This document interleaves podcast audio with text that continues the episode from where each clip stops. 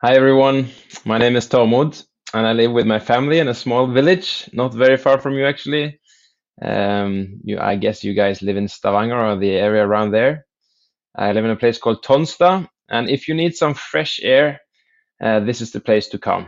Fresh air and snow. Um, welcome. I will be with you teaching today, and our teaching is from John chapter 12, verses 20 to 33. But before I move into those verses, I will briefly remind you of some of the passages you've been uh, listening to over the last few Sundays in Salem.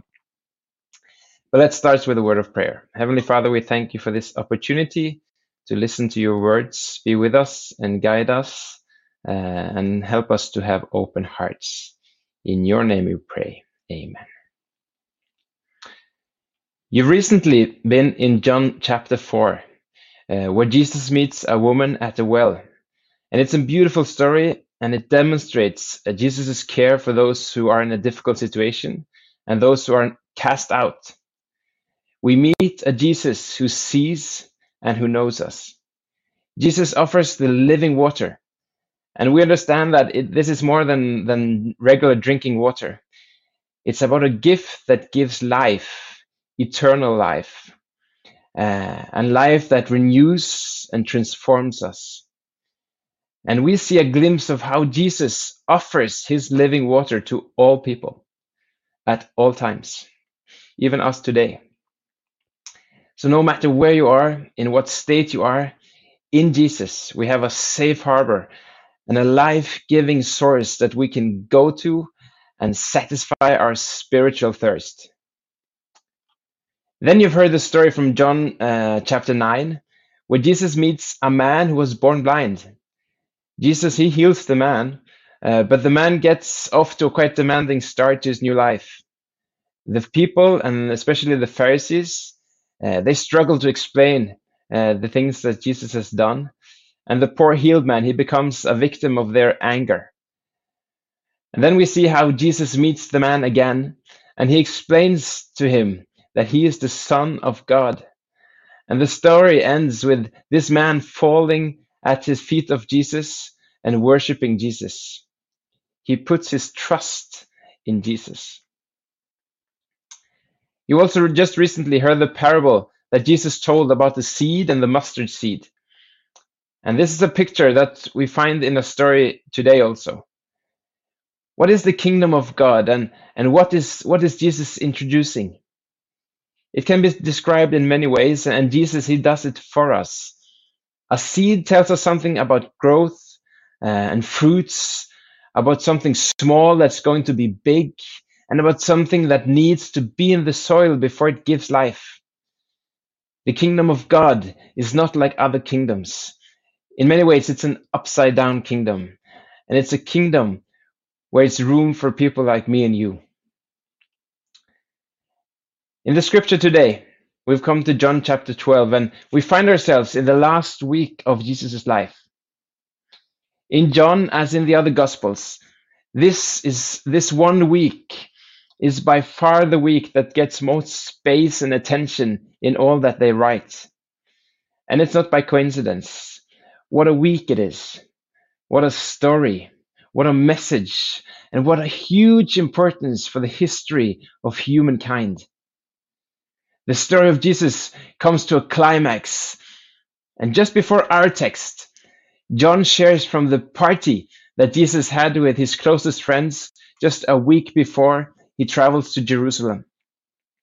At home with some of his closest friends and during a feast, we read how Mary bows at Jesus' feet and anoints them with valuable oil. Jesus is preparing his friends for what is coming. And he's preparing them for a time where he's not with them anymore. And then Jesus travels to Jerusalem to celebrate Passover, and he arrives on a donkey and is celebrated as king. And after arriving, we find our verses uh, for today from John chapter 12. And I read now there were some Greeks among those who went up to worship at the festival. They came to Philip, who was from Bethsaida in Galilee, with a request. Sir, they said, we would like to see Jesus. Philip went to Andrew. Andrew and Philip, in turn, told Jesus. Jesus replied, The hour has come for the Son of Man to be glorified. Very truly I tell you, unless a kernel of wheat falls to the ground and dies, it remains a single seed. But if it dies, it produces many seeds. Anyone who loves their life will lose it, while anyone who hates their life in this world will keep it for eternal life. Whoever serves me must follow me, and where I am, my servant also will be. My Father will honor the one who serves me. Now my soul is troubled, and what shall I say? Father, save me from this hour? No, it was for this very reason I came to this hour. Father, glorify your name. Then a voice came from heaven I have glorified it and will glorify it again. The crowd that was there and heard it said, uh, had said it thundered. Others said an angel had spoken to him. Jesus said, This voice was for your benefit, not mine. Now is the time for judgment on this world. Now the prince of this world will be driven out, and I, when I'm lifted up from the earth, will draw all people to myself. He said this to show the kind of death he was going to die. I think most of us can relate, probably everyone, to the mood and the feelings that often categorize a waiting room at the dentist or in the hospital. It's a regular room. It's a, it can be a regular day of the week, but there is a special atmosphere there, a special mood. Something is coming and you notice it and you're excited. Maybe not positively, but you're excited. And I find there is, there is a very special mood, excitement when I go into the story for today. It's the last week of Jesus' life it was not only in Gethsemane garden that Jesus felt on the anxiety of death. It's so clearly present here. And Jesus has probably felt it for quite some time. Now my soul is troubled, Jesus said. Jesus was uh, fighting a battle. He knew what was coming. He was prepared, but he fought. This was, wasn't easy for him. But he was willing and he did it in love for all men, me and you. Without blame and without sin, he did it. He took step by step towards the cross and he allowed himself to be caught and he did not fight back. But we see there was a battle inside Jesus. He fought for us. He was troubled. And Jesus says, the hour has come. All the Gospels, they have included this. And Jesus says it several times in the last few days of his life. The hour, the time has come. And there is so much meaning, so much content in these verse, verses, in these words. This was the hour that he had come for. This was the hour that the scriptures before Jesus, the Old Testament, talks about. There's so much here. Now the time has come. On the one hand, the worst hour, the worst time ever. The time of suffering, the time of death, the time of judgment. It involved a great struggle against the power of darkness, against temptation, against pain. The time to face all the world's sin, to conquer the prince of the world but also the most glorious time, the most glorious hour, the hour of resurrection, the hour of victory, salvation, and new life, the hour of love, the hour of God's kingdom to break through. For this hour have come, says Jesus. He was ready for what was coming. And his greatest wish in the midst of all that he was facing in this troubled time was to see that his father's name would be glorified. A little later, we read that Jesus prays to his, uh, prays to his Father, and he says, Father, the hour has come. Glorify your Son, so that your Son can glorify you. We see this strong connection between God and Jesus. All Jesus wanted was to give glory to the Father through all that he did on earth.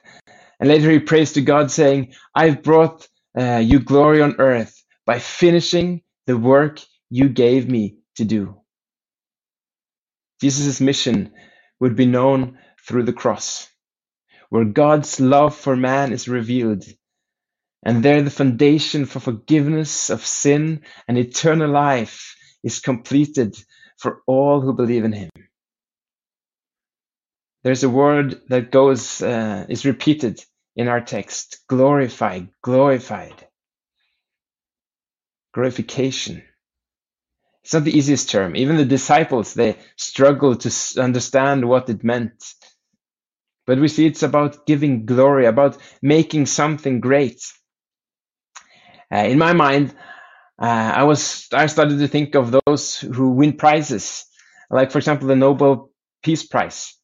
Uh, people who are honored because they have made brilliant effort uh, as peacemakers. There can be many of those kind of prizes. And Jesus could also have received awards for the good deeds that he did to people. And he truly glorified God through all this as well. But in our text and in the last week of his life, it becomes so evident that more than good deeds, the ultimate glorification comes through Him giving His life for us and being risen from the dead. What looked like a defeat, a cross, death, turned into victory and to life. Jesus, he knew the language of farmers. Uh, but even today's example, I'm not a farmer, but even today's example of this seed, I can relate to. Uh, like the seed which must be laid in the earth to come back to life. So it is with Jesus. The seed doesn't die, it comes up again with life, with growth, with fruits, with abundance. If it dies, it produces many seeds. And this is what Jesus came for. Someone had to die to pay the penalty for the sin of the world. And Jesus was willing to give his life, to sacrifice his life, to give us salvation. And therefore we see the glory of Jesus in his atoning sacrifice. He was exalted, but it was not with a gold crown or a medal, but it was on a cross. What looked like a defeat for Jesus and a victory of, for the prince of the world, for Satan, was the exact opposite. It was Jesus who won victory on the cross and the evil one who was defeated. I think Paul says this brilliant uh, in Colossians when he writes, When you were dead in your sins and in the uncircumcisions of your flesh, God made you alive with Christ. He forgave us all our sins having cancelled the charge of our legal indebtedness, which stood against us and condemned us. He has taken it away, nailing it to the cross. And having disarmed the power and authorities, he made a public spectacle of them, triumphing over them by the cross. Jesus is the victor. And Jesus said, When I'm lifted up from the earth, I will draw all people to myself and he meant it. On the cross, he shows his love for all people, regardless of color, of age, of gender, of history. He just wants everyone to come to him because he loves all people and has made it possible for all people to have fellowship with God. You can come. He accepts you. He welcomes you. On the cross, he shows how much he loves you and the resurrection is the great confirmation that he is God's glorious Son, worthy of all honor. With this notification of glorification and what it means to serve and to give, Jesus also sets the standard for his followers. Anyone who loves their life will lose it, while anyone who hates their life in this world will keep it for eternal life. Whoever serves me must follow me, and where I am, my servants also will be. My Father will honor the one who serves me. Jesus' motivation for being a servant and giving his life, he found at his Father. He just wanted to glorify his Father. And we know how that life turned out to be. On the one hard, on the one hand, very demanding and hard, for he had to suffer a lot in the face of people and the dominant worldview around him. But on the other hand, such an incredible, great blessing for so many people that he met who received new life and would change from the inside. And even more, all those who he gave his life for. There is freedom in Jesus. He's the victor. He's the savior. We shall not or cannot be the victors and the saviors. Jesus has done the job. But we can come to him and receive the gift of salvation. And then we are invited to follow in his footsteps. We don't need to be saviors, but we can point to the Savior, glorify his name, give him honor throughout our lives. I believe as for Jesus, Jesus, this doesn't mean a life without trials and challenges. No, it's going to be a battle in many ways. But there will also be blessings and there will be joy and renewal. And in the end, there will be heaven. My prayer is that Jesus is glorified through me. That I let go of my control and need and want for control and let Him take control of my life. That I give my life to Him every day. We can look to Jesus to find salvation, to find peace, and to find motivation and inspiration for each day in our journey to heaven. May God bless you.